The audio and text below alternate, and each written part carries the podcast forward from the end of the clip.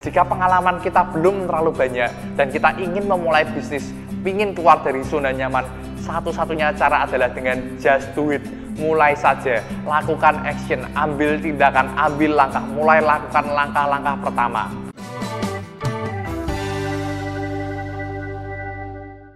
Halo guys, kembali lagi dengan saya Erik Kanadi. Bagi Anda yang ingin keluar dari zona nyaman Anda, pastikan Anda untuk menyaksikan video ini sampai selesai. Erik mendapat pertanyaan yang sangat bagus sekali dari Bu Lia. Hai Erik, nama saya Lia, saya pegawai kesehatan, ingin keluar dari zona nyaman. Mau punya bisnis namun bingung mulainya dari mana.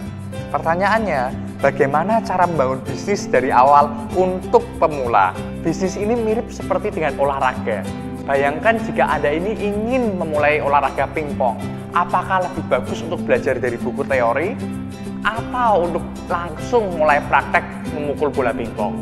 Jawabannya tergantung. Jika Anda belum pernah sekalipun memukul bola pingpong, maka hal yang paling efektif untuk belajar bola pingpong adalah dengan langsung praktek. Mungkin waktu kita memukul bola pertama kali ada bola yang out, ada bola yang kena net, dan banyak yang tidak masuk.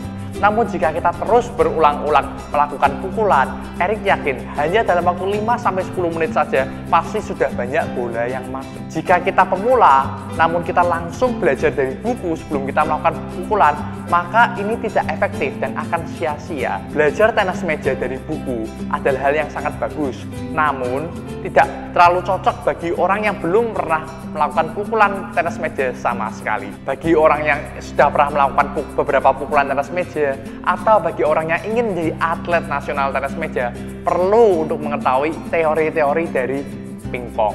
Namun jika kita masih pemula dan belum pernah melakukan pukulan sama sekali, yang paling efektif caranya adalah dengan just do it. Sama dengan bisnis, jika pengalaman kita belum terlalu banyak dan kita ingin memulai bisnis, ingin keluar dari zona nyaman, satu-satunya cara adalah dengan just do it. Mulai saja, lakukan action, ambil tindakan, ambil langkah, mulai lakukan langkah-langkah pertama. Dengan kita melakukan satu langkah, dua langkah, kita akan melihat banyak pintu-pintu kesempatan. Ingat, ada banyak pintu-pintu kesempatan bisnis yang hanya bisa kita lihat setelah kita melakukan satu dua langkah pertama. Dan ada pintu-pintu yang tersembunyi yang sangat besar yang hanya dapat dimasuki setelah kita masuk ke pintu pertama tersebut. Oleh sebab itu, yang penting ambil tindakan, ambil langkah. Just do it and take action. Penting bagi kita ini untuk berpikir positif. Ambil langkah dengan mantap, jangan dengan ragu-ragu. Jangan berpikir, wah kelihatannya kok tidak berhasil ya. Wah saya kok takut gagal ya. Jangan, namun kita harus berpikir positif. Positif dengan diri kita sendiri bahwa kita ini bisa dan mampu, dan positif dengan bisnis yang akan kita lakukan.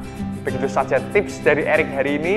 Bagi Anda yang punya pertanyaan seputar dunia bisnis, dapat langsung komen di video di bawah ini atau masuk ke www.erikanadi.com chat.